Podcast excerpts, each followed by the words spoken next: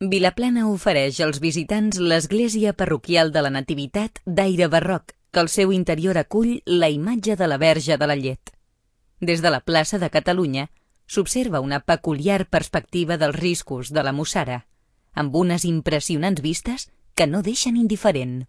No gaire lluny, a l'Aleixar, podem visitar l'església parroquial de Sant Martí amb els seus altars i retaules barrocs, coneguda per un òrgan d'època barroca de gran interès artístic i musical. Al poble hi ha, més, una bonica plaça amb porxades. A les afores d'aquest municipi trobarem l'alzina de Mas de Borbó, considerada la més vella de Catalunya.